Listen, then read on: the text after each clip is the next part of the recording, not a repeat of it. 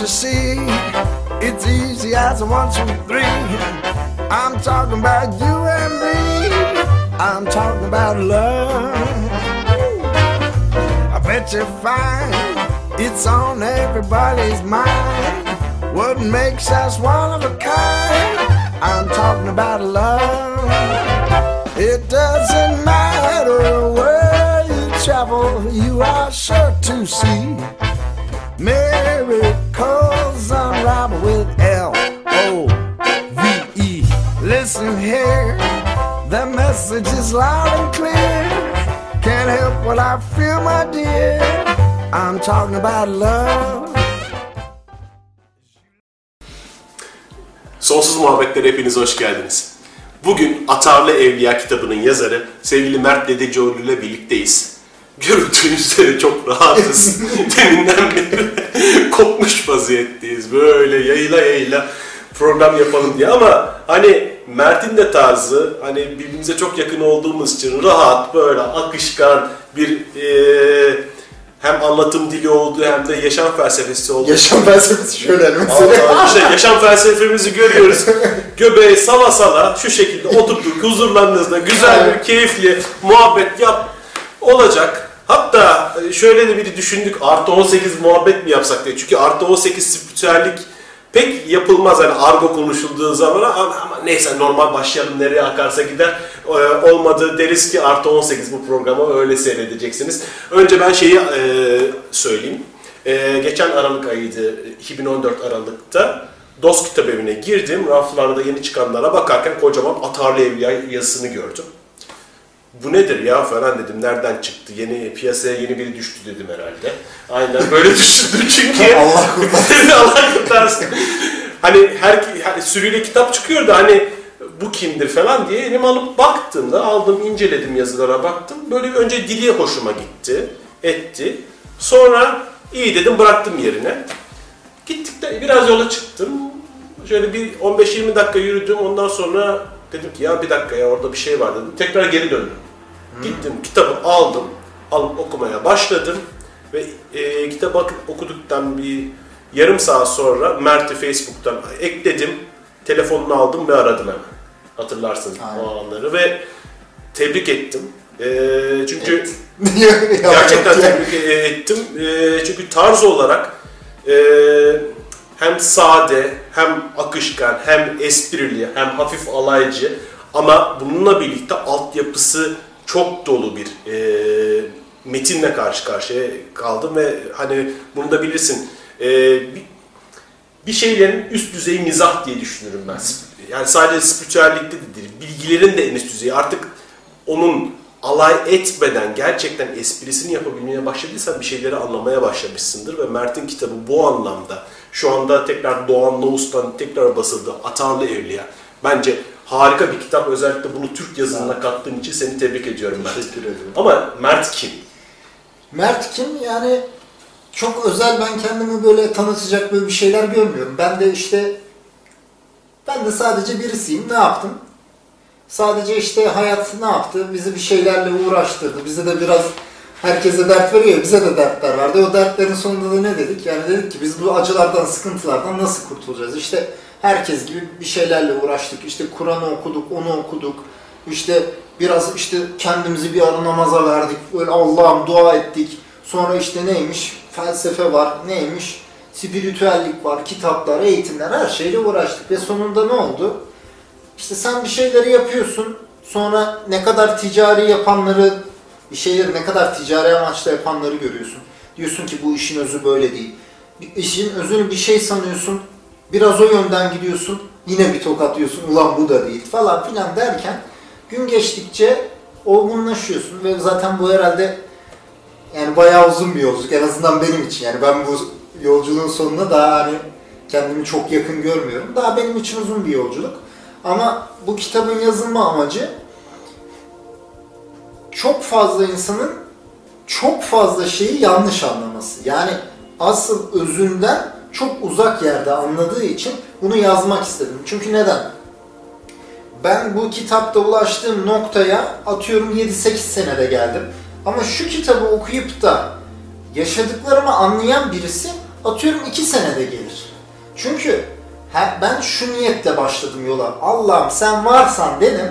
Bana her şeyi göster. Ben her şeyi deneyimlemeye razıyım. Bir bir istiyorum dedim. Deneyimlemediğim hiçbir şeye inanmayacağım dedim. Şimdi böyle bir niyet ettim ama e, bu niyet çok uzun sürüyor. Yani şimdi başına insanın her şey geliyor. Yani anladın mı? Ben bunu kendim istedim yani. Hani ne ben hiçbir Kaşınmışsın. ben hiçbir şey yani ama kaşınmak derken bence yaşıyorsak her bence bu hani ben çok iyi ettim hmm falan gibi değil. Bence her bir insan böyle yapmalı. Çünkü o zaman hani ne anlamı kalıyor ki yaşamanın? Ben hiçbir şeye inanmak istemiyorum. Ben her şeyi yaşayıp deneyimleyip bilmek istiyorum. En acısıysa da en acısı İsa elinde ekmek yaratmış. Nasıl yani inanmayacağım. Ben de yaratmak istiyorum. Ya yaratayım göreyim o zaman tamam abi ben de yarattım diyeceğim. Oraya kadar da uğraşacağım. Gelirim gelemem bilmem. Ama benim bütün yolculuğum her yani deneyip yaşayıp uygulayabilme üzerine. Anladım. Felsefe üzerine şundan, değil. kaynak, şundan da kaynaklanıyor. Şimdi eee, sen anlatıcısın. Sen yazıcısın. Şimdi eee, vücudumuzda 250 farklı görevde hücre var. Eee anlatıcılar dil hücresi gibi. Yani her herkesin bu toplum içinde ya da bu şey içinde, yapı içinde bir görevi var. Mesela ben de kendimi öyle misyonda görüyorum. Anlatıcıyız biz. Sen ne o misyondasın? Ha anlatıcıların en büyük şeyi yaşamadığın şeyi anlatamazsın. Diğer türlü işkembeden atmış olursun. Öyle pi- piyasada da bir sürü kitap var. Tamamen teorilerden ve başka kitaplardan okuduğu güzel bilgileri alıp e, insanlara aktarma gibi. Öyle yüzlerce kitap var hatta e, şeyden satın bile alabiliyorsun. Hazır e, Amerika'da satıyorlar da kişisel gelişim kitapları. Yazmışlar yazmışlar. Bir dolardan alıp buradan istediğin gibi basabilirsin. Öyle mi? Tabii tabii öyle kitaplar da var. İyice yani. Ha yani o öyle şeyler var. Ee, ama yaşanmışlık başka bir şey. Yaşanmışlık başka. Zaten o diline vuruyor seni. Bir de aslında dil dediğin şey ya da yazı dediğin şey senin ruhunun kodlanması. Sen kodluyorsun, karşıdaki insana aktarıyorsun. Ve o insan o kodu çözüp aslında senin ruhunu okuyor. Ve sen o ruhu yaşamadığın bir şeyi anlatmaya çalıştıysan havada oluyor. işte böyle geçiyor. Ama bu kitapta yaşanmışlık var. Bu kitapta anlaşılmışlık var. Ve sen de zaten buna dair deneyimini istemişsin, talep etmişsin. Ee, hani buradan şöyle kaşınmışsın dedim. Şu her şeyi birden isteyince böyle bazen şey olur. Fazla fazla gelir. Sen bunu mu istiyorsun der. Ne istiyorsan tamam vereyim ama hani be careful what you wish for yani ne dilediğine dikkat et derler ya. Ama zaten şöyle ben mesela yani biz hep aramızda da konuşuyoruz. Benim hayatım şey zaten hani ben hep mesela şimdi bunları istiyorum ama hani hep ara ara şu şeyler oluyor. Ben hiç mi görmeyecek miyim. Böyle artık her şey benimi buluyor modu oluyor. Çünkü sen ne kadar istesen de istediğinin bilincinde ve farkında da olsan bir yerde ağır geliyor. Tamam sistem açık istedim veriyor. Ama bazen ağır geliyor. O sitemini de ediyorsun. Sonra neyse devam deyip devam ediyorsun. Yapacak bir şey yok yani. Tabii karşına geliyor, tadını alıyorsun, deneyimliyorsun. Ya zaten bu işler biraz bence hakikaten bazen zor oluyor ki hani böyle olmasa hani herkes Mevlana gibi dolaşırdı yani değil mi? Hani böyle olmuyor yani bir insanlar bir şeyi anlamakta güçlük çekiyor. Çünkü hani spiritüellik biraz şey gibi algılanıyor. Hani kolay ya işte okuyacağım mantığını anlayacağım uygulayacağım falan. Yani o kadar kolay olsa yani herkes her yerde yani acayip bilinçler olurdu ama yani özellikle hani Türkiye'den bahsetmek gerekirse hani çok fazla öyle ortamlarda göremiyoruz açıkçası. Yani toplu bilincin bulunduğu seviye hani benim gözümde hani şey düşük demeyeyim ama bunları hani şey olarak level gibi hem bak yüksek bilinç var, düşük bilinç var gibi ayırmak istemiyorum ama farklı bilinç var. Türkiye'nin bilinci daha acı çekilen, daha böyle utancın olduğu, daha korkuların olduğu bilinç. Hani biz daha tanrısallığımızı elimize alıp ilk halimizdeki gibi kullanabileceğimiz bilinçten toplu bilinç olarak çok uzağız. Aslında potansiyel de çok yüksek. Sonuçta burada e, Anadolu'nun enerjisi önemli bir enerji.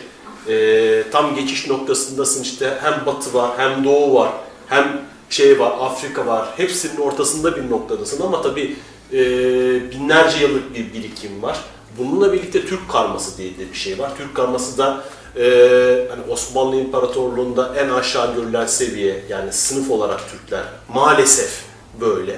E, ve e, Türk olarak dünyaya geldiğin zaman baştan şeyi kabul ediyorsun. Kendi değerini bilmeme dersiyle başlıyorsun. En önemli şey. Kendi değerini bilmiyorsun. Sürekli e, dışarıda gözün, kendinden daha ötede gördüğün şeyler var. Biz de mesela spiritüel öğretileri biz her ne kadar müthiş bir toprakta yaşasak bile hep de gittik batıdaki batılı kitaplardan öğrenmedik mi? Tabii. Batılı kitaplardan aldık, getirdik burada. Kendimi böyle yayıldı. Şu anda bile bir sürü şeyimiz yine batıya bağlı. Batı nereden alıyor? Doğudan alıyor.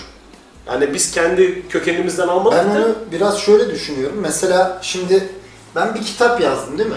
Mesela bu kitap Kur'an'dan iyi mi? Hayır. Yani Kur'an-ı Kerim diye bir şey var yani o yani içinde bilginin Allah'ı var yani. O Evet. asıl öyle bir şey var ama onu yorumlayabilecek, insanları yumuşar, yumuşatarak anlatabilecek bir ortam fazla olmuyor. Bunlar çok nadir.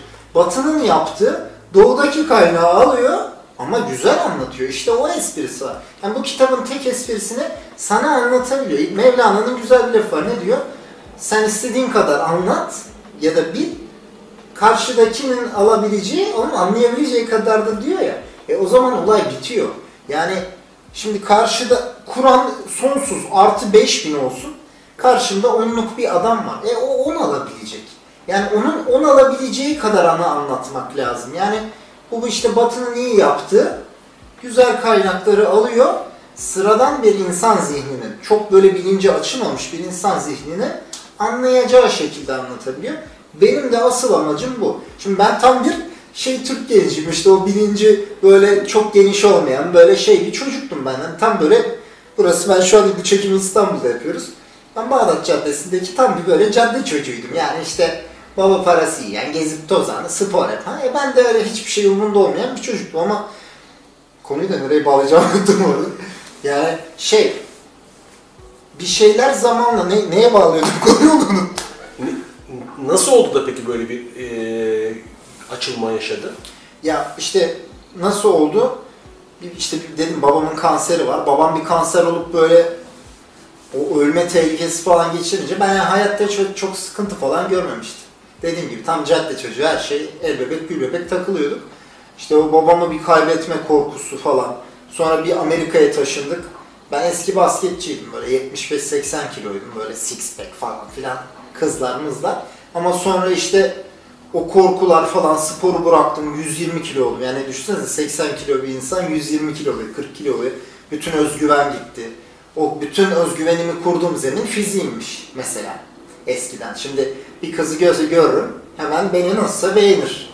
Bunu bilmek çok kuvvetli bir güç. Sonra bir bırakıyorsun bir daha kimse beğenmiyor. Çünkü böyle bir şey olmuşsun. E böyle artık kötü hissediyorsun, kötü hissediyorsun, korkuyorsun, kilo almışsın, utanıyorsun falan. E bunlar birikince ben bunlardan nasıl kurtulacağım diye başlıyor işte. Hı, zaten Öyle başladık yani. Aslında bu tarz acılar e, değil mi? Potan- potansiyelini çok e, yüksektir aynı zamanda. Çünkü buradan çok yoğun bir fırlama da yaşayabilirsin. Acı egoyu üretir. Bir anda bambaşka bir dünyayla karşılaştırır sana. O yüzden e, hani Türkiye'nin evet şu anda çok büyük acılarla, çok büyük karmaşalarla karşılaşıyoruz ama bir yandan da buradan çok güzel fırlama fırsatımız da var. Altında ezilme fırsatımız da var. Evet işte zaten onları konuşuyorduk. İyi hatırladın diye. yani dediğim gibi Türkiye'nin durumu dediğiniz gibi geçen şey de izliyordum. İsim versek bir sıkıntı olmuyor. Olmaz olmaz. Neydi? Nihat değil de Yaşar Nuri Öztürk. Ha, ya. O da diyor ki yani diyor bu Türk toplumu acıyı çekecek diyor. Yani o acı çekmeden yükseliş olmuyor diyor. Aslında bunu yükseliş diye hani bunu düşük öbürünü daha yüksek diye adlandırmak istemiyorum. Çünkü o zaman gerçek bir ayrımcılık hani aşağıda olmak kötü bir şey, yukarıda olmak bir marifet gibi oluyor. Aslında bu böyle değil. Sadece farklı bir dağılım. Hani bunu 1 ve 7 gibi değil de şöyle yat- yataylamasına düşünsek aslında daha güzel olur. Yani Genişleyen çember. Evet o şekilde dönüşte çünkü öbür türlü ne oluyor biliyor musunuz? Ben de bunu yaşadım. Hani mesela ya ben hala düşük bilinç miyim diye mesela insanın morali bozuyor. Halbuki yani düşük bilinç diye bir şey yok. Sen de 10 tane numaradan 2 numarasısın. Hani 2 numarasıyla 9 numarasının bir farkı yok ama hani 2 çok geri de yani hani mesela onun için üzülmesi gibi oluyor anladın mı? Tabii zihin karşılaştırmalı Evet, evet. olduğu için Yani burada bilinçler yarışıyor. O da başka bir ego. E, zaten o var ya. O başlangıçta hani şey olur ya. Ya anlayacak, anlayacak. bir gün gelecek o da, o da öğrenecek. Vah vah diye bu direkt en başlarda spiritüel bilgilere gidip bilgileri okuyup kendini üstün hissetme şeyidir, egosu. O O olan bir şey. zaten yani şeyden bence çok- Hepimiz bu yoldan geçiyoruz ama. Ya tabii ki zaten hani şey yok hani bir şey böyle ha bunu yaptı ben herkes her şeyi yaşayacak da ben ben de onu hep diyorum mesela Ferrari'm varken hava atıyorsun niye? Diyorsun ki arabam var hani ve, ve bunlar hep şey yapıyor "Uy, ne kadar salak falan Ferrari'siyle hava atıyor falan ama bir bakıyorsun ana kadın yoga yapıyor ve yaptığı yogayla izliyor seni böyle hani her pozu yapıyor böyle ve onun için o kadar gurur duyup onu sana böyle göstermek istiyor ki şeyi görüyorsun. Hani Ferrari'si olan adam da aynı şeyi yapıyor ve o çok daha bin beteri yani. Valla oğlum yani ben de şeye hastayımdır, bayılırım, saygı duyuyorum. Hani böyle bacağını şuradan atıp da kendine düğüm atan adamlar vardır ya. Böyle incecik sırım gibi adamlar var. Şey, biz görüldüğü üzere kamera karşısında göbeği yaymış, oturmuş. Yo hayır ben atabiliyorum falan. Dip diye atacağım böyle. Say- saygın, saygın büyük. Bunu yapana saygın büyük de. Abi yani. Abi, bir de böyle hani e, adamlarda da genelde ya öyle oluyor ya da böyle Buda tarzı yaymış adamlar oluyor. Yani bir ortasını da bu garipler, garipler diyorum spiritüel kadının içinde zor iş. Zaten ilgilenen adam az. Yani adam ya yaymış oluyor ya da çok ince oluyor, aseksüel oluyor, şey oluyor, karman çorman bir şeyle karman. Çok yani işin içinden çıkıyor. Hastalık meselesi, spiritüel kadın, spiritüel erkek böyle şeyi bulamıyor. Niye bulamıyoruz diyor. Ya Adam yok ki ortada. Yani çok az kişiyle ilgileniyor. İşte neyse e, şeyi soracağım sana. Nereden başladın bunu yazmaya? Valla aslında Tekrar gösteriyorum. Bakın atarlı eğitim. o reklamın kralı falan diyor. tabii tabii. Ya bu, kitabı, şöyle- bu kitabı gerçekten okuyun. Yani reklam olsun, tanıtım olsun bu kitabı gerçekten okuyun. Okuyun ki hem yayılsın, satılsın, etsin, Mert de yeni kitaplar yazsın, yayılsın. Çünkü gerçekten çok başarılı. Eyvallah. Yani bunu aslında benim böyle ben bir kitap yazayım falan benim öyle bir hiç tribim yoktu. Kız arkadaşım bana diyordu ki işte hayatım bu nasıl oluyor, hayatım şu nasıl oluyor falan. Ben de öyle anlatmaya çalışıyordum. Baktım o kadar soruyor ki ya dedim sen bana artık bir sorularını yaz ben sana Word'de cevap vereyim dedim. Hani bir usanmadan geldi yani. Öyle bir başladık. Sonra ben böyle hep doğal sohbet ederken baktım Aa, o yazıların çok güzel oluyor dedi. Aynı konuşman gibi falan. Ulan kitap mı yapsak ben sen biraz daha sor ben biraz daha yazayım falan. O şekilde bir kitap haline geldi yani aslında öyle bir kitap basmak hani hani dedin ya mesela anlatıcı olarak görüyorsun iki hani kendini bu topluma bir an... aslında ben öyle görmüyordum ama hayat beni bir şekilde oraya doğru da itti. Ben bir baktım aa anlatabiliyorum ya hatta güzel de anlatıyorum. Hani ben spiritüel Sen sahneye de çıktın değil mi? Evet sahne de yaptım. Hani o bayağı güzel oluyor. Millet eğleniyor, gülüyor, oynuyor falan. İş buna dönüşmeye başladı yani. Hani sonra ben de şeyi gördüm yani hani evet bunları güle oynaya biraz daha çünkü ben o her şeyi anlatıyordum şimdi hatırladım bak daha ne zamankini.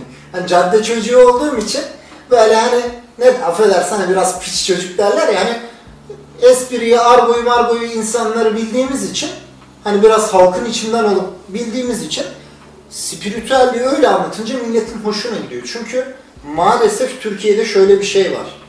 Yani spiritüellik dedin mi yani kesinlikle mesela gülünmeden konuşuluyor. Evet. Evet. Şöyle bak şey Allah diyordu, dualarımı kabul etsin diyordu. yani böyle acıma, bilmem ne, ciddiyet. Böyle şey Hemen çok böyle. ciddi olacağız. Şimdi 27. ayette hayır efendim falan hani böyle Ama o, sen onun dinden bahsediyorsun. Bir de şeyi vardır bu şeyleri. Tire- Şimdi efendim, eee, yaratılış dediğimiz şey çok mühim bir meseledir. Öz, şuur, bunların eee, hep beraber tekamül sürecinde gülmeyin efendim gülmeyin çok ciddi bir şeyden bahsediyoruz. Gülmeyin. Yani eee Abi bir o model var bir de şu model var. Hani her şey abartı sevgi ya böyle mesela böyle. Gülümsüyoruz. Anladın mı? Böyle hani bak şey var ya programa çıkıyor böyle bak. Nasılsınız? Çok iyiyiz var ama 32 diş böyle hiç kapanmıyor. Adamın bak yani şunu verir. Ben verdiği mesaj şu. İşte sevgi böyle bir şey. Her an gülüyoruz. Evde gör adam şöyle bak. Ya da onu şeyledir. Böyle e, karşılaşır böyle. Arkadaşlar ne kadar güzel. Bak bu sabah kalktım. Çiçeğin üzerindeki çiği gördüm. Böyle çiçek bana oh, yaşama sevinci verdi. Ondan sonra öğleden sonra e, arkadaş şeye biner. E, minibüse falan gider. Bir tanesi gelir yapar. Sen ne yapıyorsun? Sen ne yapıyorsun? sevgi, sevgi, sevgi. Oh, sakin, her şey çok güzel falan. Bu aslında nevrotiklik biliyor musun? Yani şey değil, ruh hastalığı. Ya bu sevgi falan değil. Bu bir şeyleri üstünü kapatmaya çalışmak, işten gelen yüzleşme ve çoğunlukla da şeyden e, kaynaklanıyor bu. Hani kendinden kaçıştan kaynaklanıyor. Çünkü spiritüel bilgiler muhteşem haplar. Eğer derinlemesine girmezsen, muhteşem olur. Başım ağrıyor, aspirin alıyor gibi. Sen o anda kendini şey hissediyorsun, kötü hissediyorsun, şey hissediyorsun. Açıyorsun bir kitabı, her şey muhteşem. Sizler bir tanesiniz, muhteşemsiniz, öylesiniz falan. Çok da güzel gazlar verirler ya. Oh diyor ya, ben birmişim, ben bütünmüşüm, ne kadar güzelmişim falan diye zıplaya zıplaya çıkıyor. E, Böyle gittiğin zaman hayal sana bir tane koyar, bir de yerden yersin. Ondan sonra ne oldu ya falan. Ya ben biraz onu şöyle düşünüyorum. Özellikle de hani mesela şu an inanılmaz fazla spiritüel kitap çıkıyor. Yani bu ne demek? Birçok insan kendini ifade etmek istiyor. Biraz ben şunu görüyorum. Okuduğum kitapların %90'ı, gördüğüm falan aldığı bilgileri yaşamak istemiyor, derinleştirmek istemiyor. Ama biraz da bildiğini kendine kanıtlamak istediği için bari dur bir kitap çıkarayım. Kendimi kanıtlarsam o bana bir tatmin verir, ben olmuşum demektir. Yani onun aradığı, evet ben gerçekten artık farklı bir noktadayım hissini. Mesela ben bir kitap yazdım değil mi? Ben hiçbir kitap yazmadan, Türkiye'ye kendimi hiç ifade etmeden inanılmaz spiritüelliği derin yaşayabilirim. Bir insan beni bilmeden tamamen tanrısal olabilirim. Böyle bir şey var. Ama insanlar bunu yapmak istemiyor. Çünkü bu zor ve derin bir yolculuk. Şimdi nasıl? Siz spiritüellikle ilgilendikçe çok daha farklı şeyler görüyorsunuz. Ve o fark egoyu öyle bir gıdıklıyor ki herkes benim bu farkımı görsün tuzağına düşüyor çoğu insan. Ve benim gördüğüm çoğu kitap bu temelden çıkıyor. Yani şimdi demin o sevgi değil dediniz ya. O sevgiden çıkan bir şeyde pure bir ifade etme ve verme var. Ama benim gördüğüm çoğu kitapta kanıtlama isteği var. Kanıtlama güdüsü var. Yani bakın yazdım ya okuyor anlayın doğru değil mi ya siz de yani beni anlayın var. Hani beni fazla anlaşılmak istemek bence yani bir yazarın fazla anlaşılmak istemesi ben de çünkü bunu zamanında yaşadım. Ben bunların hepsini kendi yaşadığım için de biliyorum. Ben de istedim. Beni anlasınlar. Bakın ne kadar farklı düşünüyorum ya. Herkes ne kadar böyle ciddi yazıyor. Bakın ben ne kadar geyik yazıyorum ya süperim. Ben de bunları yaşadım oradan biliyorum. Bunlar hep şu tuzaklar.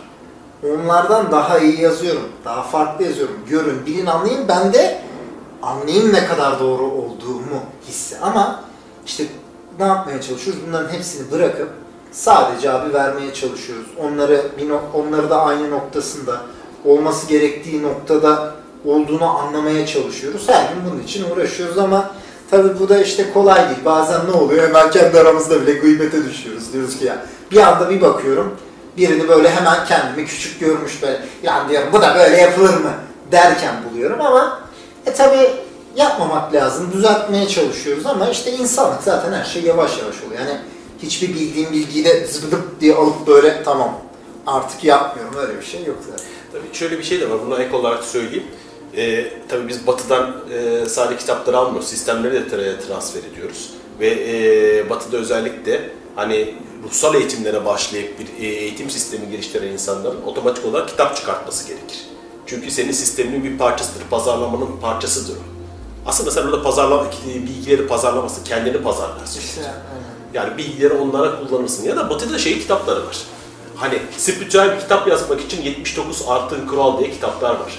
Ya da eee, bir, sırf şey eğitimi veriyorlar. God is my publicist. Tanrı benim eee, şey halkla ilişkiler uzmanım diye. Siz kendi yaptığınız spiritüel işi nasıl pazarlarsınız? Çünkü wellness denen sektör çok büyük bir sektör. Milyar dolarlığa ulaşmış bir sektör. Wellness ne? Wellness dediğimiz şey ne? İşte e, Holistik bütünsel sağlık falan bir yandan kapitalizmin yıllardır sömürdüğü insanlığa lan sizin bugüne kadar ağzınıza ettik, kendinizi bok gibi hissetmenizi sağladık.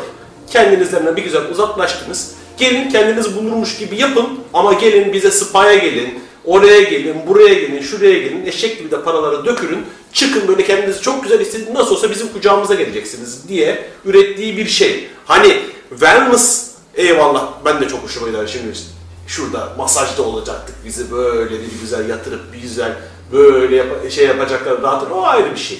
Ama wellness demek kendini tanıma yolculuğu değil, spiritüellik. Yani spiritüellik demek kendini tanıma yolculuğuysa kendini tanımak değil, o başka bir şey. Bu sadece yüzeyde geziyor. Daha derinine girmek işte daha derinine girmek güven, ezüleri, tecrübe ister. Yani kısaca anladınız. Anladınız siz onu. Biz bir ara verelim tekrar muhabbetimiz devam edecek.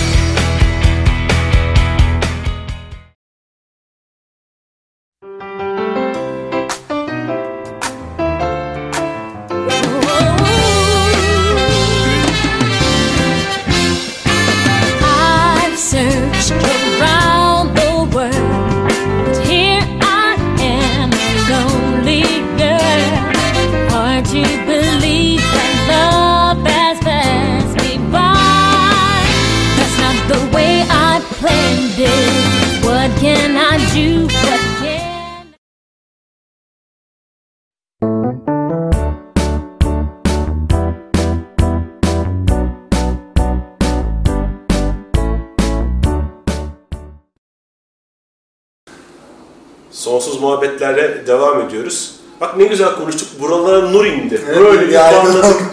e, tabii e, ilk bölümde ben ışıkları açmayı unutmuşum. tabii şey şeklinde tek kişilik e, kameraman Cevat Telli gibi gezince böyle ufak tefek şeyler oluyor ama o da işin şeyi keyifli yani. Az. Şimdi e, tabii bunları yaparken aslında şeyi de görmek lazım. Sen bir yandan e, tek bir olay olduğunda aydınlandığından öte bir yandan hayat seni aslında hazırlıyor. Çünkü kitapta bahsettiğin şeyler var. Mesela kitapta anlattığın şeylerden birisi dini altyapı var, güzel bir eğitim var. Değil mi? Yani oralardan başlıyor aslında oralarda. Bende de aynı şekilde. Yani aslında böyle yani çok şimdi mesela çok böyle inanılmaz bir dini altyapım yok. Hani böyle ne bileyim bazı aileler görüyorum çocuğun işte 6 yaşından Kur'an okumaya oluyor bilmem ne yapıyor. İlmi öyle değil ama Bahsetme. şey baba tarafım yani gayet böyle dinine sadıktır yani hani böyle Benim, babam mesela benim dedem cami imamıydı. ya işte aynen yani şey babam beş vakit namazını falan kılar. Aynen, işte aynen. biliriz yani bu şeyleri hani bilinmesi gerektiği kadarını bilir, uygulanması gerektiği kadar uygularız ama tabii ben biraz meraklı olduğum için hani mesela kılıyoruz ya hani niye kılıyoruz? Oruç tutuyoruz ya niye tutuyoruz? Şöyle yapıyor. Hani tam gıcık çocukları da her şey niye niye diye. Yani bu işe öyle başladığın zaman hakikaten bir esprisi oluyor. Yani sorgulamak kısmına mesela sorgulamayı konuşsak hani sorgulamak şey açısından bence güzel. Hani bir şeyi niye yaptığını bilmek, onun o farkındalığıyla, özüyle, hakkını vererek yapabilmek için sormak güzel. Ama bir de şey sormak var. Bazı şeyler cevabı kelimeye dökülmez. Mesela sevgi. Sevgi nedir? Hadi sabaha kadar kırmızı renk nedir? Hafiflik nedir? Yani şimdi bu tarz soyut kavramlar hani çok yani böyle konuşulabilecek bir şey yoktur ama tamam bana kırmızı rengi anlatmazsanız ben oynamıyorum. Yani bana Allah'ı gösterin işte yok gösteremediniz o zaman tamam konu kapanmış. Yani bu şekilde sorgulama değil ama öbür şekilde sorgulama bence insanı çok doğru bir yola sürüklüyor. Ne yaptık? Yani ben işte atıyorum 5 vakit namaz kılmaya başladım. Çok zoruma gitti tamam mı? Sonra dedim ki babam bana şey dedi ya. Oğlum dedi maksat dedi insanın kendine yakınlaşabilmesidir. Sen bir, bir vakit kıl dedi. Bir vakit denemeye başladım. Başta o bile ağrıma gitti. Dedim ki ulan ilk 10 dakika yat kalk falan kim uğraşacak dedim. Onu da bile yapmadım. Sonra babam dedi ki oğlum ona bile üşeniyorsan bari aklından yap dedi. Gözünü kapat hareketleri yaptığını düşün dedi tamam mı? Ama bak o kadar tatlı bir yaklaşımdı ki o ağrıma gitmedi. Tamam lan kafamdan yapayım dedim. Kafamdan yaptım. O zaman meditasyonun M'sini bilmiyorum. Şu anki aklımla görüyorum bir çeşit meditasyon yapıyormuş. O gün ama bana o babam hani meditasyonu bilerek falan söylemedi. Sadece maksat insanı kendine yakınlaştırmak. Dedi. Öyle başladım. O yapmak kolay geldi. Dedim ki bunu yaptım tamam şimdi bir adım öteye gideyim. Bari bir tane fiziksel bir kere kılayım. Lan Mert ayılık yapma dedim ya. Bir vakit 5 dakika kıldım. Sonra bir tane kılabilince hoşuma gitti. Ulan bari 3 tane kılayım dedim. Falan filan derken e bir süre sonra bir baktım atıyorum 3-5 ay hatırlamıyorum. Ama bir süre sonra 5 vakit namaz kılabilir haldeydim. Bir dönem 5 vakit namaz kılıyordum. E sonra neyi gördüm?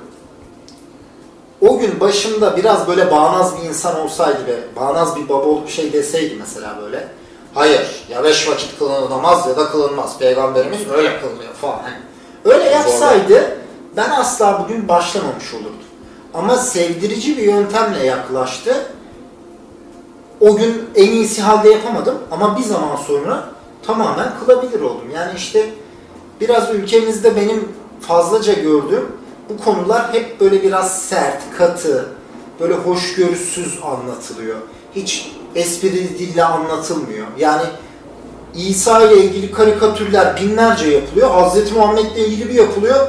Hani bir yerler taranıp insanlar öldürülüyor falan. Hani bizim niyeyse bu konularla ilgili yani İslam dünyasının bilincine şakaya hiç yer yok yani. Hoşgörüye hiç aslında var da artık böyle algılanmıyor. Yoksa İslam dini de değil aslında tamamen hoşgörü üzerine kurulu da işte insanlar bunu bir şekilde anlayamıyor. Tabii şöyle bir şey var. Ee, o ama Emevi ve Abbasiler döneminde İslam'ı kendilerine istedikleri gibi yani o andaki imparatorluğun ihtiyacı olan şekilde eğip büküyorlar.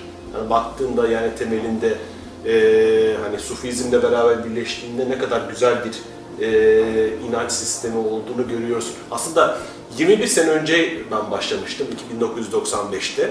Mesela o zamanlar şeyi bilirdim. Sen bilmek dedin de oradan söyleyeceğim. Hani her işe besmele, besmeleyle başlamak deniriz değil mi? 21 sene boyunca da işte bu spiritüel yolculuğu ettim falan döndüm dolaştım yine aynı yere geldim biliyor musun? Şimdi şey başlamadan önce onun frekansına girin. Adı değişti. Aynı hikaye aslında. Yani 21 sene önce hayırlısı diyorduk her şeye. Kadere teslim ediyorduk, e, şey yapıyorduk. Yani 21 sene geçti hala hayırlısı diyoruz. Yine akışa bırakıyorsun. Hani Ama hani- bilinç çok farklı oldu. Tabii artık biliyorum. Ve onu da o 21 sene geçmeden oraya gelinmiyor. Gelinmiyor. Sadece bilmek istiyorduk zaten. Evet. Yani hikaye buydu. Neden yapıyoruz? Neden? E, namaz dediğin hani bir yandan korkarak cehenneme gireceğim ya da bana zorladıkları için yapmak var. Bir de gerçekten isteyerek, bilinçli olarak yapmak var. Sana ne faydası olduğunu, senin bu beden dediğin şeyin neresine iyi geliyor? Ruh dediğin şeyin neresine iyi İşte geliyor? yani- Zihin dediğin şeyin neresine iyi geliyor? Bunların hepsini bilip bunun bilincinde olarak yapmak. Ya işte yoga dedi, Surya Namaskar diye bir şey var biliyorsundur belki. Surya şeyde e, bildiğin sabahların namaz hareketi gibi yapılan bir e, yoga stilidir. Yani e, dönüp dolaşıp aynı yere geliyoruz, özüne geliyoruz ama Dün mesela yemek yerken yemekten önce şöyle bir dua edelim dedik, kutsayalım dedik. Hani bunlar e, ama ama şimdi şeyi biliyorsun.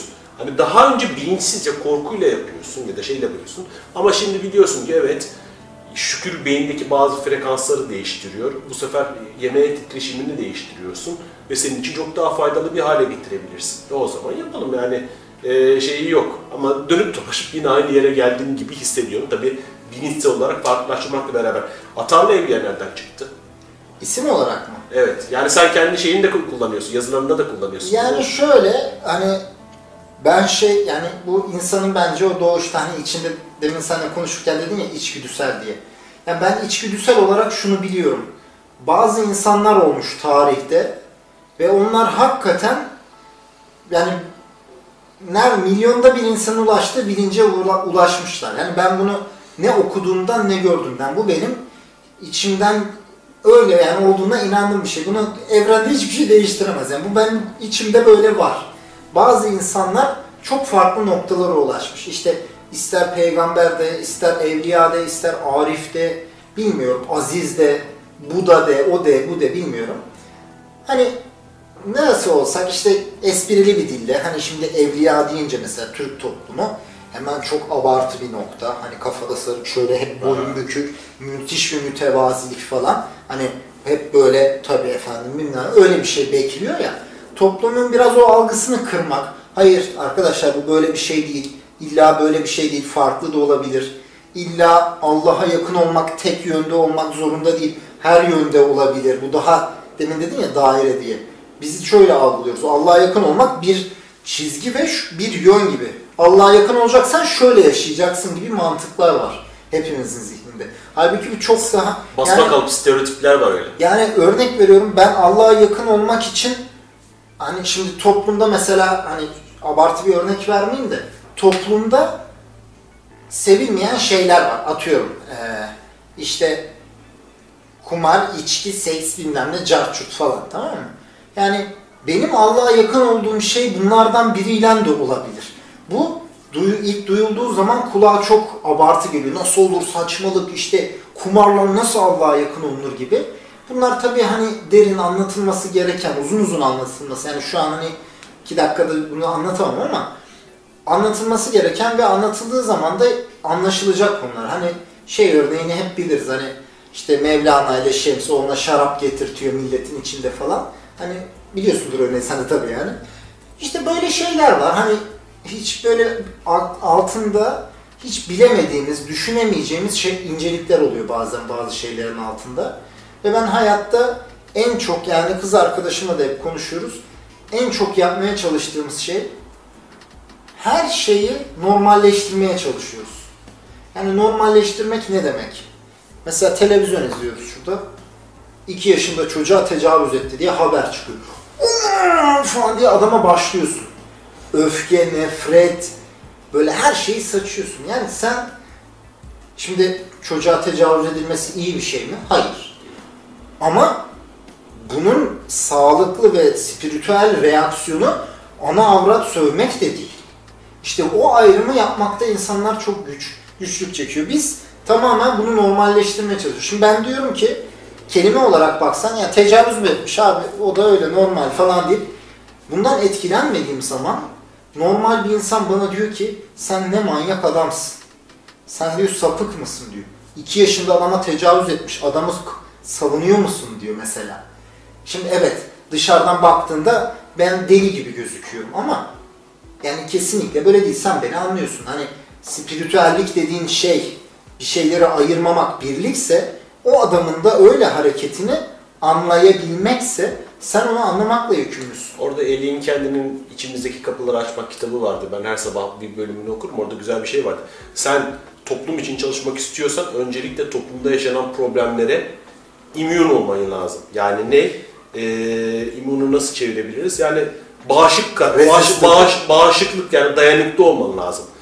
Aynı şey e, terapistler için de geçerlidir. Terapist herhangi bir e, çalışma içindeyken hastanın ya da e, danışanın e, hikayesine kendini kaptırırsa ona yardımcı olamaz. Eğer sen gerçekten topluma yardımcı olmak istiyorsan bir defa durman gerekiyor. Bu senin duygusuz insan olmadığın anlamına gelmiyor ama senin bir defa e, bağışık, bağışık olman gerekiyor. Ona kabul edebilmiş olman. kabul edebilmen gerekiyor. Çünkü 2 yaşında bir çocuğa tecavüz yapmak çok zor bir konu onu söyleyeyim. Çok çok çok zor bir örnekten girdin. Ama ha, o anda gel, Anlaşılalım diye. yani ama burada insanın içindeki tecavüze aslında bunun olmasının sebebi sonuçta tecavüz denen bir enerjinin toplumun içinde olması. Çocuk tacizi denen bir olayın içinde olması. Böyle böyle böyle ve Evet yani bunları da olduğu için konuşuyoruz. Hani ya uydurmadık yani. bunu şifalandırmanın yolu aslında ruhsal kökenlere de tabii hukuki şeyleri var, önlemleri var. Ama Ama o sorunu asla çözen bir çözmüyor. şey. Yani çözseydi e, hapis hapsetmek ya da idam etmek toplumdaki sorunları çözseydi şu anda hiçbir problemimiz olmaması lazım. Çünkü yıllardır daha binlerce yıldır insanlık tarihinde hapsederek ya da işkence ederek ya da öldürerek sorunları çözmeye çalıştık. E, görüyoruz hiçbir şekilde çözülmedi. Yani kesinlikle. Hani aslında spiritüellik denen nokta e, daha geniş perspektiften bakıp kökenleri, yazılımını değiştirmekten ibaret. Yani o yazılım noktasını İşte ama dediğimiz gibi şu şimdi mesela senin konuştuğun bilinç gerçekten hani Sistemi değiştiren. çok sağlam bir bilinç ama işte yani Ama herkes de yapamayacak an bunu. Şimdi şöyle sistem... öyle bir toplum yani bize zaten şu an yakın değil yani. Windows, Windows'u herkes kullanıyor ama sonuçta Microsoft dediğim bir yer var. Microsoft'ta yazılımla, yazılımcılar var ve onlar da oturuyorlar, bunu hazırlıyorlar.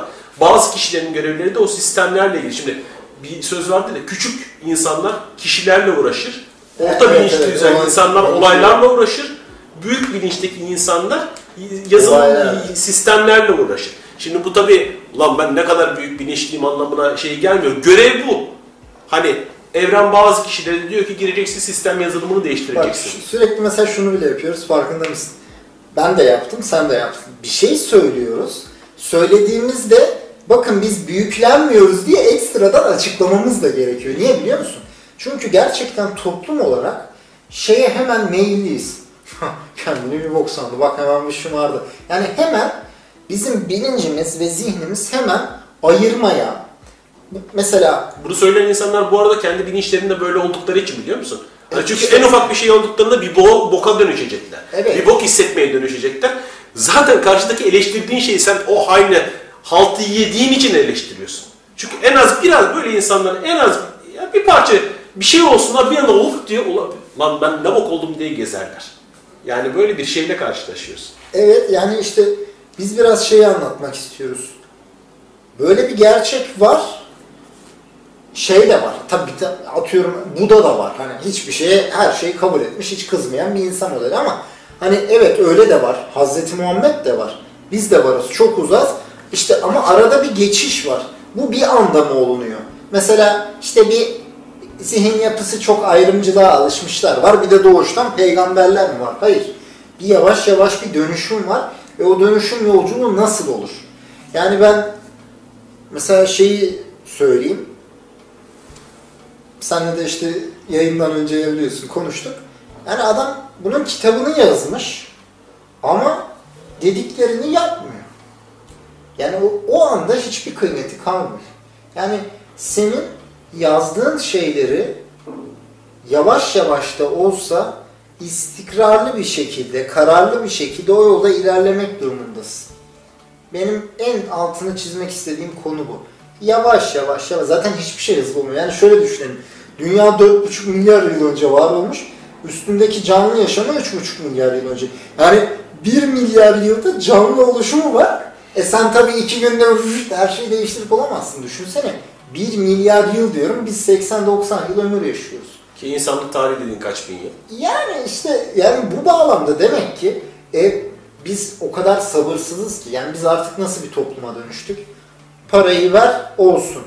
Oradan tıkla bir yani mesela örnek veriyorum. Ben gençken mesela bir kızla tanışmak falan inanılmaz heyecanlı bir şey yani böyle şey yapmak. Mesela şimdi bakıyorum adam böyle Twitter değil de neydi? Tinder. Tinder.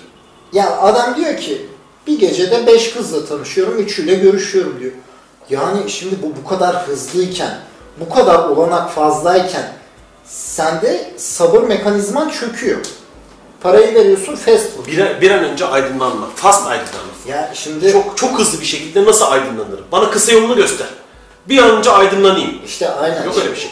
Ama işte o nefs insan öyle bir sarıyor ki şimdi düşünsenize nefs dediğin en kuvvetli şeyler ne? Cinsellik, yemek, fast food diye sektör var. Çıt çıt. Hani ver McDonald's versin lülülüp diye bitsin. Yani ne kadar hızlı. Tinder bas hop oradan şey olsun bilmem ne yap olsun. Her şeye bu kadar hızlı alışıyorken insan diyor ki otomatik olarak bunu da hemen hızlı bir şekilde hallederim ben. İstiyor. Ve ne oluyor? Orada şu tuzağa düşüyor. Kitabını çıkarıyor, biraz bir şeyler yapıyor. Evet. Bilincinde biraz bir açılma oluyor. Evet. Ama anında kendini farklı görmek ve işte kanıtlamak istiyor. Demin bahsettiğim konu oydu. Ben de bunu çok yapıyorum ve sonra diyorum ki kendine gel bu öyle bir şey değil diyorum. Bu öyle bir şey değil. Senin kanıtlayacak hiçbir kimsen yok, hiçbir şeyin yok. Hani Ama ne yapıyor biliyor musun? O sistemler de bir süre sonra çöküyor. Hani şöyle çöküyor. Ee, aslında hiçbir şey boşuna değil. Evren de hepsini destekliyor. Çünkü bir yere kadar hizmeti oluyor, hizmeti oluyor. Bir yere kadar geliyor, geliyor, geliyor, geliyor, geliyor. Her şey çok güzel, çok güzel, çok güzelmiş gibi görünüyor. Eğitmensen çok güzel paralar da kazanıyorsun, kazanıyorsun, kazanıyorsun. Ama bir noktada artık diyor ki sana hani bir üst seviyeye geçmen lazım ama bunun için bambaşka bir şey yapman lazım. bak işte Yapabileceğin ne? Sıratı müstakime Evet. geçer, geçerken düşmek de çok kolaydır diye bir şey vardır. orada bak ne var biliyor musun? Kur'an'da bir laf geçiyor. Diyor ki Allah ceza vermekte aceleci değildir diyor. İşte o laf inanılmaz güzel. Yani sen bazı tuzaklara düşebilirsin. Bir nefsine yenik düşüp ben bu yoldan gideceğim deyip dayanamayıp şu yoldan gitmiş olabilirsin. Ve diyor ki bak Allah ceza verme de aceleci değildir. Yani bu ne demek? Evrendeki sistem sen bir elin içinden geçeni yapamadın diye hemen ağzını yüzünü tokatlamaz diyor.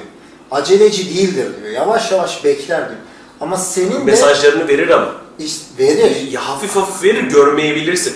Der ki bak yavaş ol, dikkatli ol bak.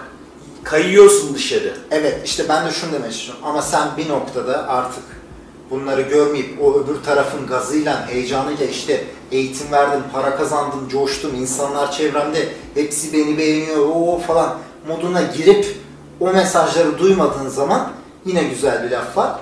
Önce aşkla anlatırız, anlamayana azapla anlatırız diye e işte sonra dediğin düşüşler yaşanıyor. Ama bunlar da sistemin bir parçası. O zaman onların açılımı da ondan sonra geliyor. Zaten ya ben o konuda mesela çok şanslıydım. Benim e, karım ne zaman şey yapsam böyle bak ne kadar güzel yazı yazdım, ne kadar güzel övgüler aldım dersem şöyle durdu bakardı böyle bir hiç okumazdı yani bakmazdı şu anda. Derdi ki git bulaşık makinesini boşalt kendine gelirsin. Bu sayede çok egom törpülendi. Kendisine de buradan bir kere daha teşekkür edeyim. Şeyi biliyor musun sen? E, Hu- e, Wolverine oynayan kimdi? Şey, Diyecek. Hugh Jackman. Hugh Jackman bir gün Tony ödüllerini almaya gidiyor, Oscar almaya gidiyor. Karısına diyor ki, ben Tony ödüllerini almaya gidiyorum işte tiyatro Oscar'ında istediğin bir şey var mı diyor. Kadın dönüyor, çıkarken çöpü çıkartıver. bu, bu şekilde dengeleniyor. Hani çok şükür hafif atlatıyorsun. Ama hayatın içinde hani ben ona şükrediyorum. Ben buna şükrediyorum çünkü benim o dönemlerde çok güzel dengelememi sağladı. Ama şimdi bu yolculuğa başladığında hiçlikten geliyorsun. Çoğu insan kendine çok büyük güvensizliklerden geliyor. Bir anda bir şeyler olmaya başlıyor. Ve zaten insanlar şeye çok yatkın olduğu için lan başımıza bir çoban gelse de çevresinde sorumluluğu ona atsak biz işte de mesela böyle. peygamber yani. Yani direkt hemen e, gelse de bizi Kurtarıcı işte, kurtarıcı gelsin, bizi kurtarsın. Hemen etrafına toplanmaya başlarlar. Bir anda övgülerle karşılaşmaya başlarsın. Böyle bir ne oldum, ne ettim falan yukarıdan bakarlar şöyle bir ilk başta izin verirler ona. Mesela bak bizim kitabımızda da aynısı oldu. Şimdi benim ilk kitabım mesela şu an Doğan'dan çıkıyor. Doğan nasıl? Türkiye'deki yani çok en iyi firmalardan bir tanesi Tabii. yani kitap sektöründe. Şimdi benim ilk kitabım yine çok büyük bir firmadan çıkacaktı. Ben böyle o zamanlar biraz daha ham zamanlarım şu ankine göre. Kız arkadaşıma diyorum ki işte kitabım çıkıyor çıldırdım falan böyle süper olacak falan. Sözleşmeye 6 gün kala iptal ettiler. Beni görsem kafamı kaldıramıyorum. Şöyle kaldırıyorum geri düşüyor falan. Sonra o böyle içime öyle bir oturdu ki bir yerden çıksın da nereden çıkarsa çıksın moduna geçtim. Sonra nitekim daha küçük bir yerden anlaştık. Oradan çıkarttık. Sonra oradan bir basım yaptık. Bir daha şey yani Olmadı, devam edelim. Evet devam etmedi yani. Bir basımı yaptık bıraktık. O kadar az satınca ben şey oldum böyle. Ay ben hiçbir şey değilmişim, ben rezaletmişim falan. Ama sonra işte o tokatları yiye yiye bunun öyle bir şey olmadığını, kafada öyle ayrımlara gerek olmadığını işte anlaya anlaya o tokatları yiye yiye sonra tesadüf oldu. Bir gün biri tavsiye etmiş, okudular, beğendiler. Şimdi yine güzel bir yerden nasip oldu ama üçüncü turda. İşte yani hayat gerçekten biraz şey yapıyor. Ya benim birinci, Mesajları da şöyle silkeleyerek veriyor yani. birinci kitap çıktı yayın evi iflas etti. İkinci kitap çok büyük bir gruptan çıktı. Hani bu hürriyetten çıkmış öbürü de hani başka büyük, büyük bir gruptan çıktı. Tam benim kitap çıkacakken genel yayın yönetmeni değişti. Bir anda ben eski grupta kaldım. Ee, Yani en son kitabı nerede dergilerle beraber veriyorlardı. Ben de mesela şimdi üçüncüsü çıkacak. Ne olacak ben de merak ediyorum ama ben de çok görmüş Yani ne oldu ama birinci kitap az basıldı. Tokat geliyor falan. Birinci kitap az basıldı şey oldu ama sonradan ben onu internette pdf olarak şey yaptı falan dağıtınca falan acayip de yayıldı. Güzel oldu. Ben sana şu kitabın arkasını okumak istiyorum. Ya arkadaş bıkmadınız mı bu deliliklerden? Yaşam koçları, kişisel gelişim uzmanları, melek terapistleri, şifacılar, reikiciler, nefesçiler, kuantumcular derken topluca kafayı sıyıracağız. Kişisel gelişim bir sektör oldu çıktı başımıza. Peki sana bir sorum var. Daha iyi hissetmek, kendini bulmak için yaptığın bunca şey ya seni aslında kendinden uzaklaştırıyorsa? Ya hiçbir şey sana anlattıkları gibi değilse? İmkansız mı? Gel ben sana doğrusunu anlatayım. Sen tanrısal bir varlıksın. Onunla doğrudan bir bağlantın var. Bundan daha yüce bir durumda yok. Başka hiç kimseye, başka hiçbir varlığa ihtiyacın yok. Ve kalbin ona ulaşmakta ihtiyacın, ihtiyaç duyduğun tek araç. Sen hep haklıydın, yine haklısın ve hep haklı olacaksın. Sen asla suç işlemedin ve işleyemezsin de zaten. Sadece bazı şeyleri fark edemedin o kadar. Ama artık edeceksin ve kuş- kuşlar gibi özgür olacaksın. İlk, ilk bölümde sağlam girmişsin. Sen Sonra- şöyle anlatırken arkadan böyle pembe güller Tabii. Tabii şöyle bir şey var. Sen, e, bu Sananda'nın bir kitabı vardı. E, Yükseliş, Işığın Çağrısı mıydı neydi? Onu e, okudum mu bilmiyorum. Orada bir örnek vardır. Şimdi herkesi çağırdıkları bir panayır vardır. Festival gibi bir şey. Orada der ki kendini bulma konferansı verilecek. Yani söyleşisi var. Oraya davetlisin. Ama oraya giderken Tom yola girdiğinde bir e, fuar alanıdır, panayır alanıdır. İşte birbirinden güzel standlar vardır. Bir tanesinde işte ne bileyim astroloji standıdır, diğerinde o vardır, diğerinde şu vardır o kadar çekicilerdir ki bir sürü insan yolda giderken onlara takılır. Ha şunu da söylüyorum. Bu sayılanların birçoğu gerçekten hayatınızda bu yolculukta kolaylaştırılacak araçlardır ama aracı amaç edinmediğiniz sürece. Ben kendi hayatımda mesela Reiki'den inanılmaz faydalanıyorum. Şimdi Theta Healing öğrendim. Theta Healing'den çok faydalanıyorum. Ama bunlar benim asıl amaca giden araçlarım. Asıl amacım da kendimle karşılaşmak, kendimle yüzleşmek. Ama sen bir standa oturup onun çekiciliğine kapılıp esas e, toplantıya gitmediğinde ki sıklıkla bu yaşanıyor. Esas senin için sıkıntı orada başlıyor. Mesela dediğin bak aklıma şöyle bir şey getirdi. Çok basit bir şey söyleyeyim. Senin dediğine o kadar paralel ki. İnsanlar yani biz şeye alışmışız. Her şey zor, böyle karışık ve şey olmalı. Altında bir hinlik olmalı falan. Yani çok basit bir örnek veriyorum. Şükretmek mesela. Adam gibi şükretsene. Hani mesela her gün. 365 gün seni test edelim tamam mı? Gizli bir kamera olsun. 365 günün kaç günü sen şükür modundasın, kaç günü ef ya aman falan modundasın. Sadece mesela bana birisi gel mesela şey var ya spiritüel eğitimler, teke tek seanslar yapılıyor, her şey anlatılıyor falan. Hepsini geçtim. Sadece diyorum ki sen 365 gün 365 gün şükret her şey düzelecek. Karşıdaki kişi bunun bu kadar basit olamayacağını yani o onu kesmiyor. Dur ben bir kitap alayım diyor. Çünkü biz hep abartı şeyler arıyoruz. Böyle inanılmaz çözümler arıyoruz. Halbuki et kimse işte dediğim gibi o dışarıdaki millet böyle dedin ya astroloji bilmem ne. Millet onlardan böyle değişik bir şeyler alıp egosunu gıdıklamak istiyor. Çözüm basit ya. Emek vereceksin, çalışacaksın. 365 gün irade duyup mesela örnek veriyorum. Tadın mı kaçtı? Hayır kaçmayacak ya buna da şükür. De sadece bunu yap ya bir çalış. Ama işte kimse bununla uğraşmak istemiyor. Ya sinir bilimcilerin yaptığı araştırma var. Ben bunun yazısını gördüm ve paylaştım. Çok hayat değiştirici bir yazı. Sinir bilimcilere göre mutluluğun dört yolu diye bir yazıydı. Bir kitaptan e, çeviri yapmışlar. İşte şükretmek. Direkt beyin kimyasını şey yapıyor. İlla ki çok büyük şükredecek anlar değil. Otomatik olarak şükredecek anları, mutlu anlarını düşünmeye başladığın anda beyin kimya öyle kimyasallar salgılamaya başlıyor ki sen otomatik olarak mutlu olmaya başlıyorsun zaten. Ha şükretmek zaten binlerce yıldır bilinen bir şey ama artık sinir bilimciler bile beyin kimyasıyla bunu açıklayabiliyorlar. İşte söylenen şey bu. Şükret. Ha ama şiine tekrarlı mesela. Ben astrolojiyi ne gibi kullanıyorum biliyor musun? Hava durumu. Hava durumu. Bugünkü potansiyele, bugün dışarıya çıkacağım, yağmur yağacak, şemsiyemi yanıma Yani alayım da bunlar aslında şöyle demek istiyorum. Yani bunlar aslında gereksiz, faydasız gibi değil. Ama millet senin dediğin gibi yapıyor. Mesela şükretme modunu geçiyor.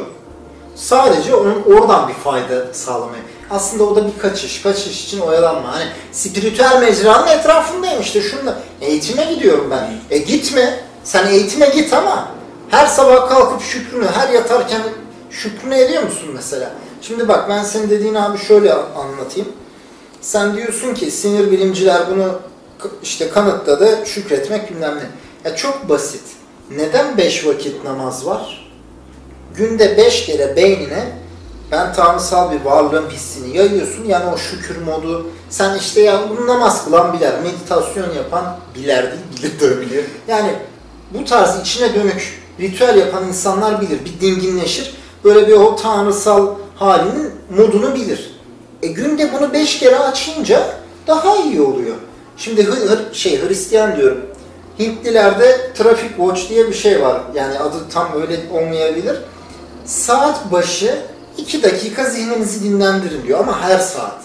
Yani ne yapıyor insanlar? Yani sık sık, sık sık, sık sık tanrısal bir varlık olduğunu hatırla. Neden? Şimdi ben bu aralar acayip bilgisayar oyunu oynuyorum. Şimdi oynuyorum böyle kaptırıyorum. Zihnimde başka şeyler dolanıyor. Ve bazen 7 saat kalkmıyorum. Bir kalkıyorum başından 7 saat sonra. Ben normalde işte biraz şükrünü hisseden, böyle hani fena değilimdir anladın mı? Mutluyumdur olduğum halden. O bilgisayardan bir kalkıyorum şöyleyim bak. Hani hep böyle mücadele etmişim orada. Bilgisayar oyunu onu yenmişim, bunu geçmişim falan. O rekabetçi modu açılmış. Böyle şükür yok üf diyorum karnım acıktı bilmem ne oldum diyorum. Tam o böyle nefsani modu açılıyor. İşte senin bu modun daha sürmesin diye arada işte o namaz dediğin, meditasyon dediğin, trafik boş dediğin kendine çevirdiğin mod. Yani aslında her şey insanın kendine fazlaca gün içinde defalarca emek vermesiyle çok basit düzenlenebilecek bir şey ama biz illa ne arıyoruz? Mesela dün- gökten böyle şeyler ya bak dün bir tane kitap gördük. Yani tam adını söyleyip hani şey ama böyle bilmem ne bilmem ne ne sırları. Hani ne sırrı hani ya insanlar bir gizem yaratmayı işte bu dedirtmek istiyorlar ama bir tane sufiye git Allah aşkına mesela yani sana abartı, çarpıcı hiçbir şeyi öyle anlatmıyor. Adam şöyle anlatıyor hani bu zaten böyle diyor. Niye? Çünkü o hakikaten öyle görüyor. Yani normal görüyor. Adam ya bu zaten böyle diyor mesela. Hani ne bileyim insanların mesela şunu anlaması lazım.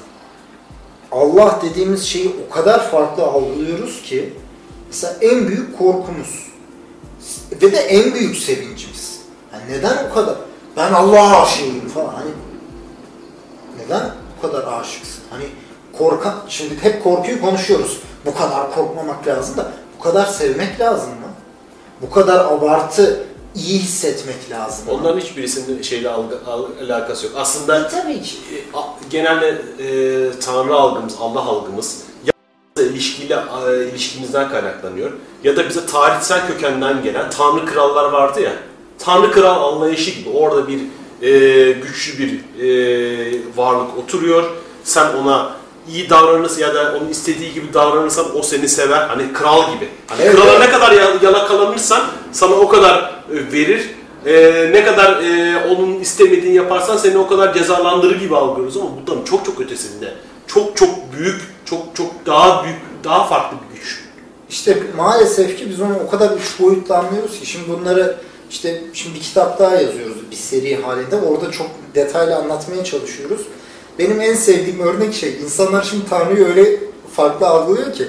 Mesela Hazreti İsa hani Tanrı'ya en yakın insan olarak artık hani peygamber değil mi yani?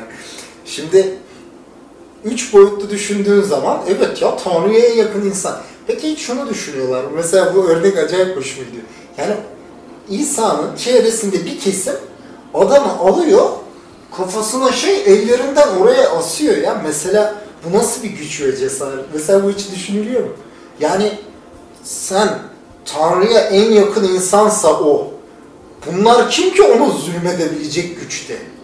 Aslında bu üç boyutlu düşünen bir insan için çok iyi bir soru. Onların bunu yapamaması lazım o zaman. O insanın zıp deyip onları böyle dövmesi falan lazım işte. Onları bir şey yapması lazım. Ama yapabilecek güçte mi değil? Yoksa yapmamasında bildiği bir şey mi var? İşte insanların bunları düşünmesi lazım. Bunları düşünürlerse Tanrı kavramının, Tanrı'ya en yakın olan insanın niteliklerinin aslında kafalarındaki gibi olmadığını anlarlar. Yani dediğim gibi benim en büyük böyle anlatmak ve ifade etmek istediğim hep abartı anlaşılmalar. Allah'la ilgili inanılmaz abartı anlaşılmalar. Peygamberlerle ilgili inanılmaz abartı anlaşılmalar. Her şey bizde çok abartı anlaşılıyor. Mesela örnek vereyim. Yani bu işte dedin ya karması Türkiye. Bizim bilincimizde var.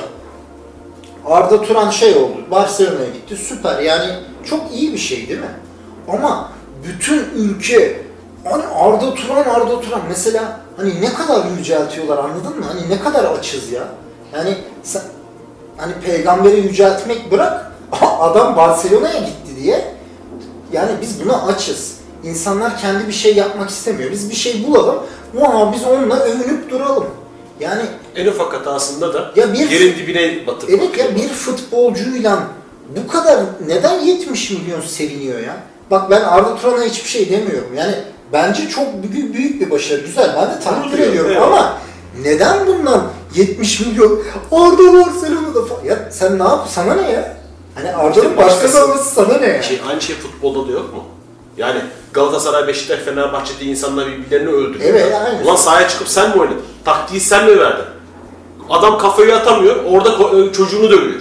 Kafasıyla şey atar, golü kaçırıyor. Gelip bir tane patlatıyor çocuk niye sen bağırdın diye. E onu sen mi kaçırdın? Hani sen kaçırsan anlarım.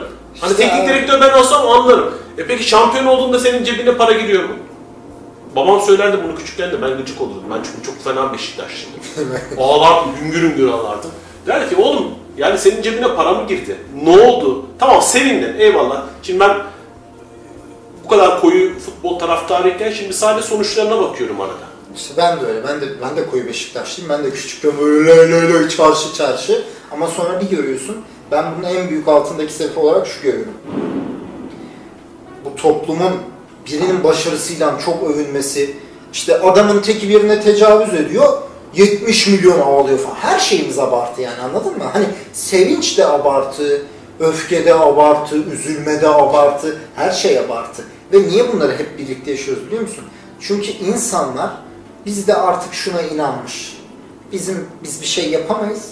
Bizim bir yaratım gücümüz yok. Biz böyle işte 70 milyonda bir adamız. Hükümeti beğenmiyorum. Ya ne yapıyorsun? İşte ne yapabilirim ki? Yani bizde bu zihniyet var.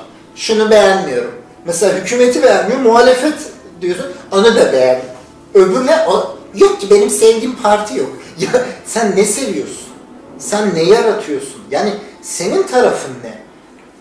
Yani bir taraf yaratma hani zihni bile yok. Hani ben ne yaratabilirim ki? Böyle hani öyle bir şey düşünmemiş bile. Niye? Çünkü kendinin yaratabilen bir varlık olduğundan haberi bile yok. 70 milyon böyle olunca ne oluyor biliyor musun?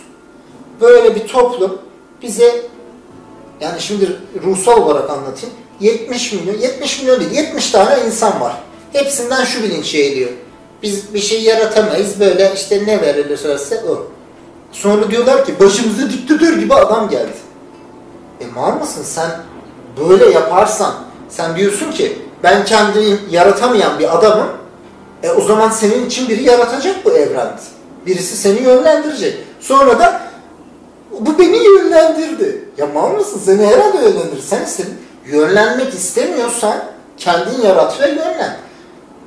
O 70 kişi birden kendi yaratım gücünü kullansa e senin başına öyle insan gelmez o zaman. Yani bu çok basit spiritüel şeyler. Mesela yine çok yani yanlış gözüken bir konu. Ben şuraya Hazreti Muhammed yazdırsam, dövme yaptırsam bana derler ki ne bağnaz öküz herif. E Kemal Atatürk yazdırınca marifet oluyor. Modern oluyor. E spiritüel olarak baktığım zaman spiritüelliğin özü nedir? Her şeyin ortası ve arası. Sufiler ne yapar? Her şeyin arasıdır. Şimdi bir insanı alıp buraya dövme yaptırmak abartı bir hareket. Ben yapsam hmm, çok is hemen o etiketler o kadar belli ki. Çok İslami, çok işte bilmem ne bilmem ne, böcek beyinli falan bütün küfürler bile hazır.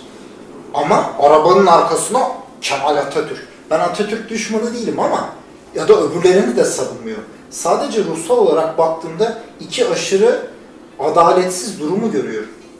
Bununla ilgili Tanrı'nın doğum gününde güzel bir cümlesi vardı Burak Özdemir'in. Yani eee, bu örnek üzerinden gittiği için.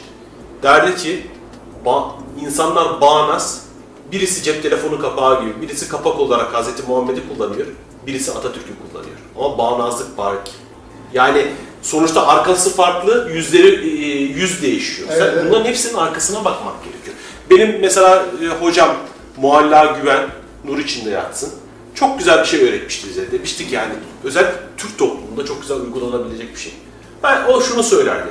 Benim manevi dünyadaki rehberim Hazreti Muhammed, dünyevi rehberim Atatürk.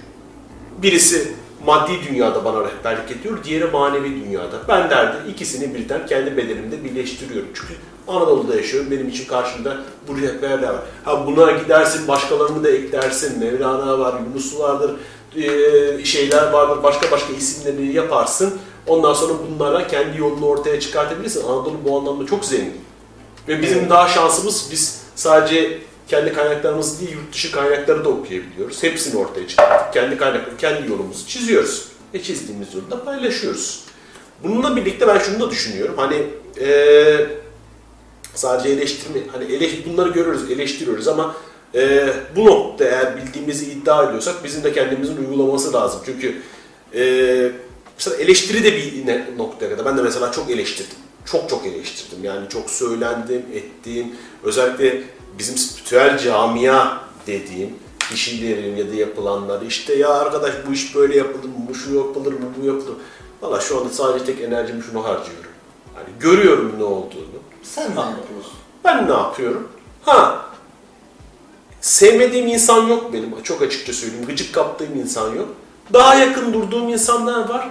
Daha uzak durduğum insanlar var. Ama bu daha yakın durduğum ya da daha uzak durduğum insanlar demek bunların doğru ya da yanlış olduğunu yapmıyor. Çünkü bana hizmet etmeyen bir başkasına harika hizmet edebiliyor. Evet. Mesela Bilgi Kitabı diye bir kitap vardır. Birçok e, kişinin çıkış güzel e, çıkışı olmuştur oradan. Çok güzel hizmet etmiştir ama benim yolum o şeyle kitapla kesişmedi. Kesişmedi demek ben oraya gireceğim anlamında değil. Çünkü çok fazla yol var bu yolda. Benim yolum kesişmedi. Onu yaşayanlara saygı duyuyorum. Ha benim yolum kesişmedi ama ben uzak duruyorum. Yani çünkü ger, e, Ama evrende işte- gördüğüm şey tek, tek bir şey e, var. E, tek bir yanıt var evrende. Herkes tek bir yanıt istiyor ama İşte ha, e, tamam. ya A, B, C, D, E diyor ki A yanıtıysa A, B yanıtıysa B. Hayır tek bir yanıt var. E hepsi. İşte ama bir zihnin buna alışması çok zaman alıyor. Yani kimse buna inanmak istemiyor ya. Hani çünkü alışmışız yani bir şeyin ya doğrusu vardır ya yanlışı yani. Hani bizim zihinlerimiz çok katı yani. Hani biz üç boyuta ayarlanmışız.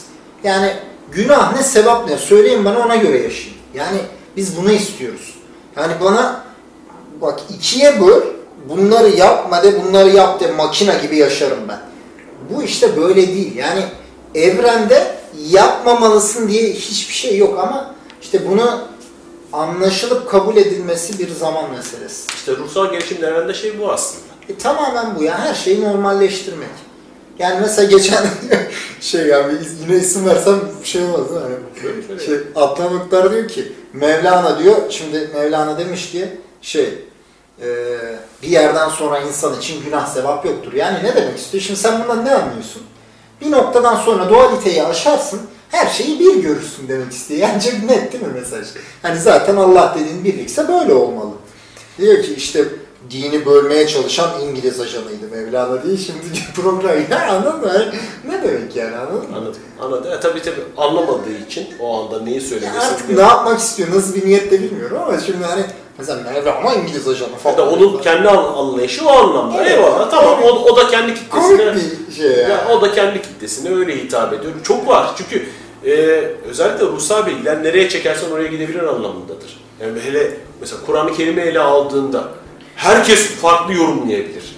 Herkes başka bir şekilde yorumlayabilir ki zaten bizim şu anda tartıştığımız din tamamen insanların yorumlarından ibaret. Evet yani işte zaten o komik yani. Ya sadece şeyi bile, çevirisi bile çok e, çeviriden çeviriyor o kadar anlamları fark Ya ediyor. şimdi bir- çok basit bir şey var. Hani yorumu geçtim böyle. Hani şimdi bir konunun yorumu olur ya. Şimdi mesela 2 artı 2 kaç? 4. Hani bu yoruma açık mı? Değil. Ama bizde bu bile tartışılıyor. Mesela kitapta da yazıyor zaten işte hani Kur'an şey namaz 3 vakit mi 5 vakit mi? Bu tartışılıyor ya. Hani nasıl tartışılıyor abi? Yani hani düşünebiliyor musun? Yani an- yani rakamsal bir şey tartışılır mı ya? Ben kendim şimdi okudum Kur'an'ı ama insanların Kur'an dediğin kitabı bu şekilde 3 mü 5 mi? Şimdi bu analitik bir düşüncedir. Bu şekilde düşünerek zaten Kur'an okumaya çalışmak yani bir zaman kaybı. Sen bunu böyle okuyamazsın. Bütün özünü kaçırırsın. Sen bunu analitik değil, o sezgisel yani 3 ile ne demek istiyor, 5 ile ne demek istiyor? 3 kılarsan nasıl olur? 5. Peki Kur'an, yani sana sorayım, sadece okumakla mı anlaşılır? Sen onu hayatına geçirdiğin kadar, ha bak bu böyleymiş diye anlaşabilirsin. O zaman önce abi bir 3 vakit kıla. Şimdi ben insanlara söylüyorum. 3 vakit mi 5 vakit mi bilemiyorum. O isim 3 diyor, bu isim 5 diyor. Ya sana ne? Bir hafta 3 vakit kıl, bir hafta 5 vakit kıl. Sonra de ki, abi benim Allah'la aramda hissettiğim bence benimki 4 olmalı de bir 7 olur. Sen öyle kıl abi. İnsanlar o kadar şey işte istiyor ki doğrusunu yapayım. Yok abi öyle bir şey. Yani yok yani. Biz fotoğraf kursu- e, kursunda karşılaşırız. Şimdi hocaya şey sorarlar. Kelebeğin nasıl fotoğrafı çekilir? Hoca, kelebeğin formülünü söyle. Ben de makineyi nasıl ayarlayacağım? Kele. Şimdi hoca der ki, peki arkadaşlar bu kelebeğin kanatları mı açık mı, kapalı mı? Havada mı, konmuş mu? Bir de neyini çekmek istiyorsun? Kelebeğin kafasını mı çekmek istiyorsun? Kelebeğin bütününü mü çekmek istiyorsun? işte aynen. işte bir tane formülü ver. İşte diyecekler ki alacaksın f3.5'a işte ISO'sunu da şunu ayarlayacaksın çat çat çat çat çekeceksin. Öyle bir şey değil bu. Yani hayatta her an her şey değişebilir. Her an farklı ayarlara ihtiyacın olabilir. Çünkü evren son derece yani fizik gerçeğidir bu. Sürekli genişleyen, değişen yapıya sahip. Hayatlar da öyle bir şey. Ama bizler tabii güvenlik ihtiyacı var ya bir de onaylanma iki ihtiyacımız var. Bir güvenlik ihtiyacı yani bu böylesi böyle olacak. Çünkü farklı olursa güvenemez, korkar. İki, onaylanma ihtiyacı söylüyor. Ben doğru mu yapıyorum? Ben doğru mu yapıyorum? Hani şey vardır ya sorusu var. Sen benim kim olduğumu biliyor musun? Kim olduğumu biliyor musun lan? Oradaki soru aslında şey. Ben kimim biliyor musun? Ben bilmiyorum çünkü. sana soruyor aslında o anda. Kendi de bilmiyor kim olduğunu. O yüzden sana bağırarak söylüyor. Şey yapıyor. Çok güzel bir sohbet oldu. Çok teşekkür Eyvallah. ederim Mert. Teşekkür ederim. Ben tekrar kitabı göstereceğim. Atarlı Evliya.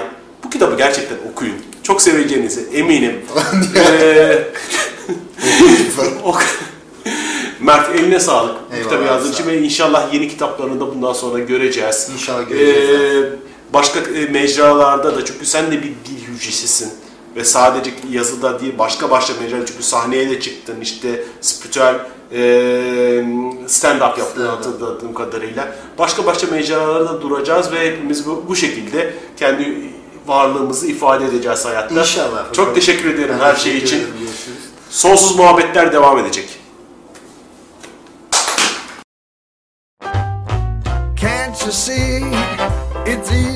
A one, two, three. I'm talking about you and me. I'm talking about love. I bet you find it's on everybody's mind. What makes us one of a kind? I'm talking about love. It doesn't matter where you travel, you are sure to see miracles unravel with L O V E. Listen here, the message is loud and clear. can't help what I feel, my dear. I'm talking about love.